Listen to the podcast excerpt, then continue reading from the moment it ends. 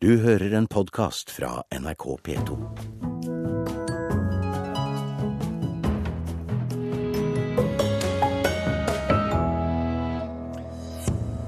I dag lander Justin Bieber, og fansen er klare. Busser med ungdom fra, fra forskjellige deler av landet på vei mot Fornebu nå. Historiebøkene må skrives om, mener professor i arkeologi. Ny kunnskap om jernutvinning i Hedmark. Og for første gang i Norge får vi oppleve dans tilrettelagt for blinde. På tide, mener Blindeforbundet. Du hører på Kulturnytt med Birger Kolsrud Jåsund i studio. I dag eh, lander det canadiske tenåringsidolet Justin Bieber i Norge. Her skal han holde tre konserter for rundt 66 000 fans.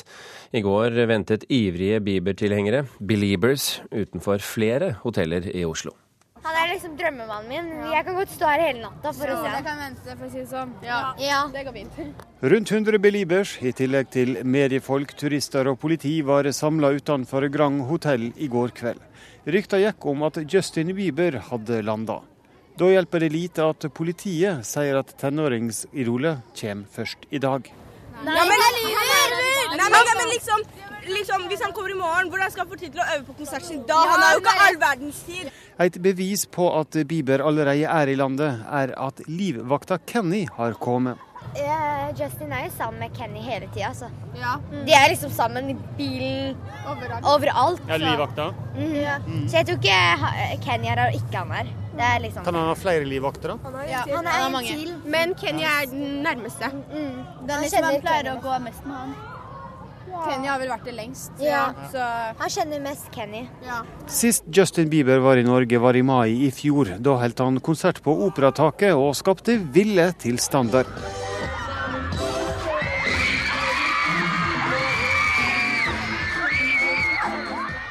Gårsdagen ble også ei stri tørn for dørvakter og politi. Flere Beliebers prøvde å ta seg inn i hotellet for å finne Bieber.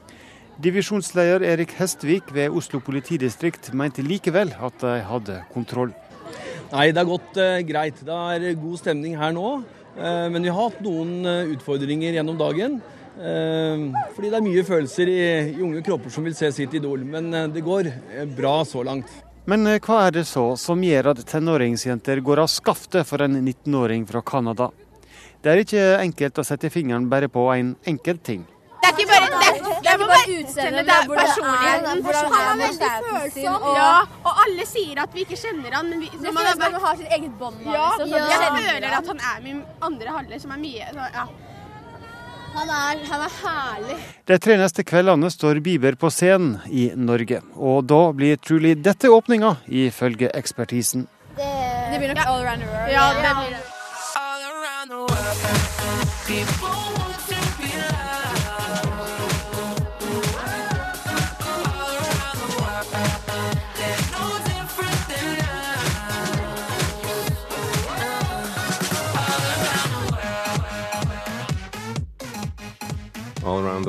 blir trolig åpningslåta på kveldens konsert, ifølge Bieber-fansen. Reporter her, det var Espen Alnes. Og reporter Ivar Lid Riise, du forsøker å holde styr på Bieber-bussen på vei fra Ålesund til Telenor Arena. Hvor langt har dere kommet nå? Nå står jeg på Vestnes, og her er bussen full av Bieber-fans, og stemninga den er i taket!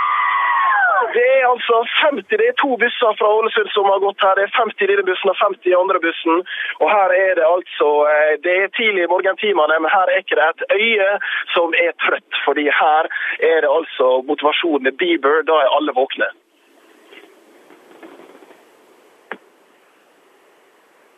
Hallo? Men eh, eh, stemningen er eh, god, Riise. Hvordan blir turen fremover mot Telenor Arena? Dere har en lang vei? Det har absolutt en lang vei. De regner med å være framme i eh, fem-seks-tida. Det har vært tidlig oppe. De skal ta hele denne bussturen. Og så skal de da oppleve konserten eh, der nede i kveld. Og så direkte etter konserten skal de da sette seg på eh, eh, bussen igjen for å kjøre opp igjen til Ålesund. Enkelte har skoledager i morgen som de skal til. Og jeg står her med Sunniva og Ingvild. Eh, og eh, hvordan skal dette her monsterdøgnet gå? Ja, det går veldig fint, det. ja, det blir dritbra. Ja, det blir dritbra. Dere, hvor mye, er det mulig å beskrive hvor mye dere gleder dere til denne konserten? Nei, det går nok ikke an å beskrive det. Nei, jeg vet ikke hva jeg skal si. Det blir skikkelig bra å føle på at alle forventningene blir møtt. Ja. Og, men jeg tenker på også, hvorfor, eh, hvorfor vi kan spørre her, hvorfor er Bieber så populær eh, blant eh, dere? Eh, Det vet ikke egentlig, da. Han er jo attraktiv, holdt jeg på si. da, så Han er flink til å synge og ja. Ja. Ja, er, hvorfor ikke? Det er bare dritbra. og Ja. Ja, akkurat. Men altså, hva sier foreldre? Altså, der sender jo da, altså, Ålesund blir jo tømt for ungjenter i uh, denne perioden her. Og, uh, og hva foreldre dere sier til uh, dette her? Sender dere ned til Østlandet? Forrige gang Bieber var i Oslo, så var det kaos på Operahuset. Uh, altså, hva sier hjemmet? Jeg syns det er helt greit, for jeg vet jo at det er det jeg vil. Og da, ja. Ja. ja, sånn er. Mamma er jo ganske egentlig bekymra, men eh, jeg regner med at hun stoler på at det går bra. Ja, akkurat. Som du hører her, så er det altså eh, det er store forventninger, og eh, de er garantert sikre på at dette her kommer til å, å løse seg. Nå går ferden videre nedover med bussen. Nå står vi på Vestnes, nært Molde. Om ikke mange timene så er de altså i uh, Oslo for å på en måte oppleve det da uh, et av de største popikonene uh, om dagen, Justin Bieber i Telenor Arena. Men Ivar Lid Riise, du må be dem forte på, fordi at på Telenor Arena er det allerede ting på gang. Vi har reporter Andrea Kluge som akkurat nå eh, er på Telenor Arena. Det kommer busser i din eh, retning, eh, Kluge. Er eh, arenaen klar til å ta imot hordene? Du, altså, Nå er jo hele parkeringsplassen ved Telenor Arena gjort om til et eneste sikkerhetsområde. Det er eh, sperregjerder i kilometervis. Og jeg tror nok at det skal gå greit. Det er jo en, en buss som jeg, hører på øret her, en buss som kommer i din retning. Ansvar for sikkerheten, Prosec. Leder Henning Kristiansen, er du klar for det? Ja, Vi tar imot dem, og de, når de kommer fram til arenaen, så vil det bli vist en plass her sånn. Og det vil bli eh, gitt informasjon om, om bord på bussen, om hvordan de skal forholde seg til. Og det er viktig at de finner plassen sin, eh, sånn at det er lett å komme tilbake. Og de som kommer, hva er det viktig at de har med seg? Det er viktig at de har med seg de er godt kledd. Det er surt her nå, så det kan bli noen timer ute. Så kle seg godt. Samtidig er det viktig at man spiser godt og drikker på forhånd. Det kan også være køer inne på serveringsområdene.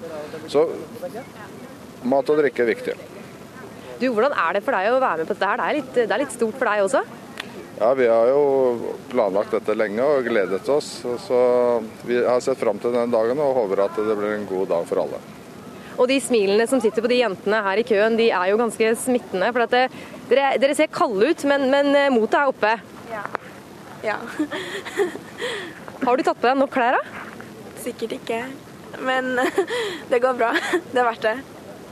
Dere sitter eh, helt foran i køen. Dere har eh, reist langt. Hvor er det dere er fra? Eh, Jeg kommer fra Steinkjer. Fra Ski. Jeg er fra Ski. Og hvorfor har dere valgt å, å, komme hit så tidlig og så sitte her når det er fem grader og surt? Fordi vi har lyst til å komme nærmest mulig og se Justin. Hva, hva er det som går gjennom hodet ditt nå når du skal møte helten? Um, det er veldig mye rart, egentlig. Men eh, så lenge jeg får se ham på scenen i det hele tatt, så blir jeg glad. Og her sitter dere altså da til klokka ti, og så blir dere sluset inn. Og så må dere da vente i et område fram til halv syv. Det blir en, en veldig lang dag. Har du tatt med deg nok eh, å drikke? Ja, vi har med mye vann og mye mat. ja. Det står en, en pose ved siden av meg her som du har fylt med, med ulike, ulik mat for å holde motet oppe.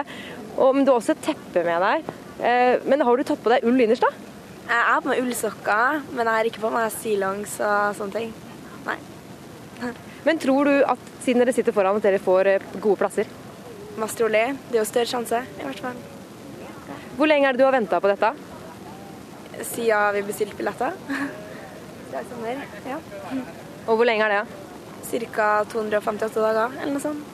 Ja. Og nå er det ikke lenge til. er det kanskje ikke så lenge å vente, da, når du har venta så lenge allerede? Nei. Det, nå, er det, nå er det nært. Ja, ja det verdt det. Ja. Bare barnemat altså, å vente helt fram til i kveld, sier jentene her foran i køen. Ca. 258 dager eller noe sånn. Eh, Andrea Kluge, takk for at du var med oss fra Telenor Arena.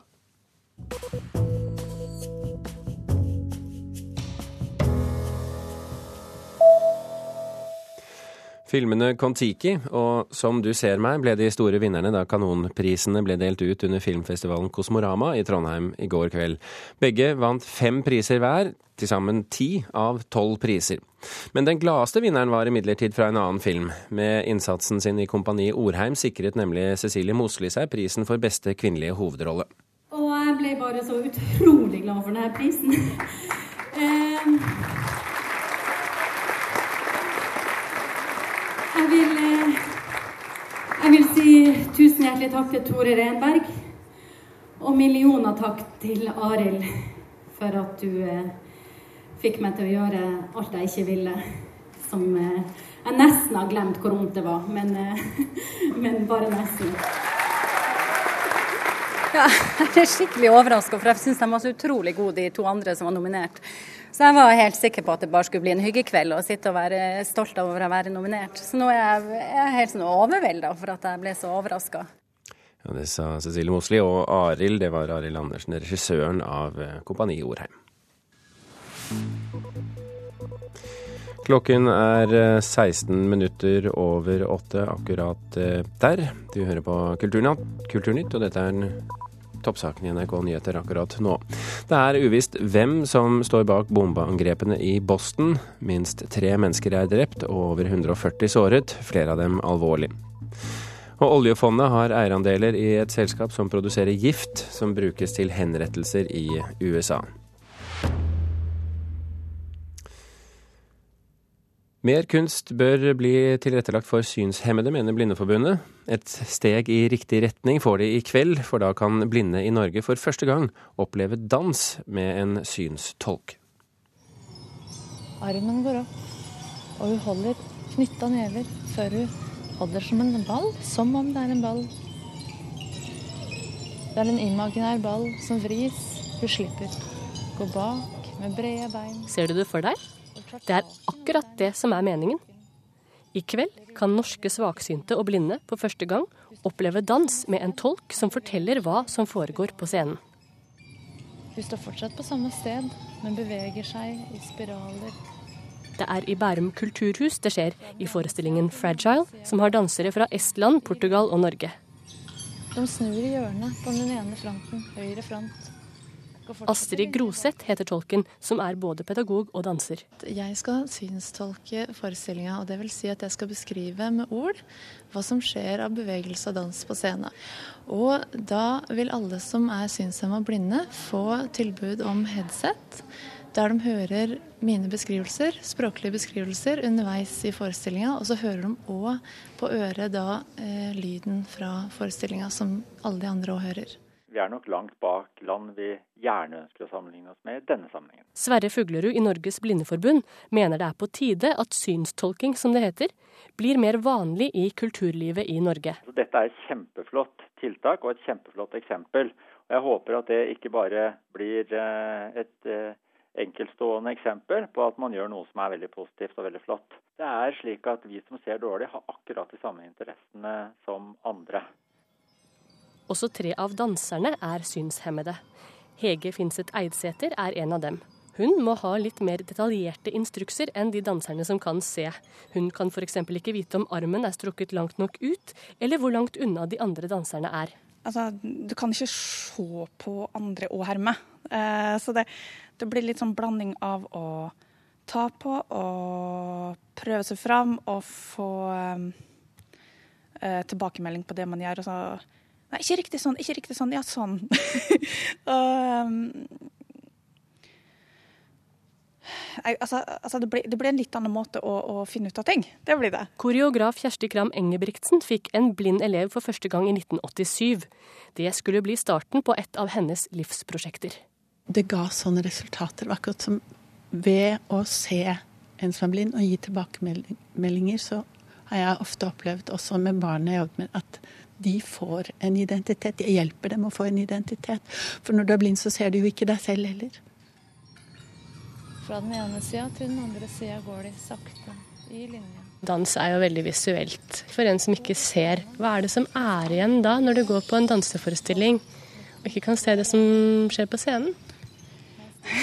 det kommer vel an på hvor interessert du er i dans, antagelig. For det, altså, jeg, jeg, tror ikke det er veldig mange synsomme som bruker å gå på, på en forestilling. Altså, jeg gjør det i ny og ne, men da kommer det veldig an på uh, hvor nærme man setter scenen, om man får et inntrykk av det som skjer, om man bare tar stemninga, altså lydbildet, musikken. Alt i kombinasjon. Altså, jeg får jo ikke med meg det som alle andre får med seg, jeg får med meg noe helt annet. Men det er ikke sikkert at det er ikke sikkert det er noe dårligere, det er bare en helt annen opplevelse. Uh, og så er noe av det den samme opplevelsen også uansett. Og Du hørte til slutt her eh, danser og synshemmet Hege, Hege Finseth Einsæter, og reporter det var Ina Strøm. Jernutvinning i Hedmark var avgjørende for samfunnsutviklingen i sen vikingtid og tidlig middelalder. Det viser ny forskning. Dette betyr at historiebøkene må skrives om, mener arkeologiprofessor. I Solør, sør i Hedmark skoger, har arkeologene funnet spor etter en jernutvinning uten sidestykke i norsk målestokk. En veldig storstilt jernproduksjon som skiller seg veldig ut ifra hele det, eh, resten av eh, Norge da, som hadde jernproduksjon på samme tid. Sier Bernt Rundberget ved Institutt for arkeologi ved Universitetet i Oslo. I sin nye avhandling om jernutvinninga i Sør-Hedmark har han kommet fram til at et høvdingsamfunn i Solør på 600-tallet utvikla en unik teknologi for å utvinne jern i stor skala. Og De har sett at dette er en, en mulighet for å, for, å, få en økonomisk gevinst ut av å få til en enorm produksjon da, som ikke du finner andre plasser i Norge på samme tid. Så mye som 130 000 tonn jern kan ha blitt produsert her i tidsrommet 950 til år 1300. Rundberget mener jernutvinninga i dette området var avgjørende for samfunnsutviklinga i Norge i denne perioden. Det mener jeg helt klart. Hvis en ser på det arkeologiske kildematerialet som mitt, så viser det her at det har vært så enormt stort at det må ha hatt en konsekvens for samfunnet. Jernet har vært veldig sentralt for den økonomiske utviklinga i Norge, fordi det er såpass store verdier i disse produktene. Teknologien spredte seg nordover Østerdalen og pågikk i flere hundre år, og omfatta på det største området fra Eidskog til Stor-Aurdal. Rundberget sier dette bidro til at Norge gikk fra høvdingsamfunn til kongedømme, og at det dermed rokker ved den allmenne historieforståelsen. Jeg mener det. Det har egentlig ikke blitt tatt inn da, i læreboka på samme måte som jeg mener kanskje det bør bli gjort. Da. Det er derfor at jeg også kaller avhandlinga mi for Den dunkle dimensjonen. Det, det er noe jeg egentlig har visst litt om, men som aldri har kommet fram i lyset, hvor viktig det egentlig det her har vært. Jeg syns dette er et banebrytende arbeid innen norsk jernmineforskning. Professor i nordisk arkeologi og spesialist på jernutvinning Jan Henning Larsen ved Universitetet i Oslo mener den nye forskninga bryter med den rådende historieoppfatninga om at jordbruket var nærmest enerådende årsak til den økonomiske utviklinga. Det har vært helt håpløst å få historikerne til å forstå at landet vårt har basert seg på andre ressurser enn jordbruket. Professoren sier Rundbergets forskning om jernets betydning betyr at historia må skrives om. Det burde vært gjort for lengst. Og fredag denne uken forsvarer Bernt Rundberget sin doktorgrad om det betydningsfulle jernet. Vi hørte også professor i nordisk arkeologi og spesialist på jernutvinning Jan Henning Larsen, og reporter det var Stein S. Eide. I dag får vi vite hvem som blir den nye teatersjefen på Oslo Nye Teater. Så vidt vi vet, er det to kandidater som står igjen. Den ene skal være danske Kim Bjarke, som tidligere har jobbet med Knut Nærum og Bjarte Hjelmeland. Den andre skal være den svenske regissøren Anders Agård, som tidligere har jobbet ved Oslo Nye Teater. Siden bystyret i Oslo har bestemt at teatret skal finne en ny driftsmodell, blir det opp til den nye sjefen å utforme sin egen stilling, samt å kutte i staben, som i dag består av 100 fast ansatte. Det blir mer om dette i Kulturnytt i ettermiddag, det er jeg helt sikker på. Kulturnytt eh, nå runder av. Sendingen fikk du av Hanne Lunås, Gjermund Jappé og med Birger Kolsrud Aasund i studio. Du har hørt en podkast fra NRK P2.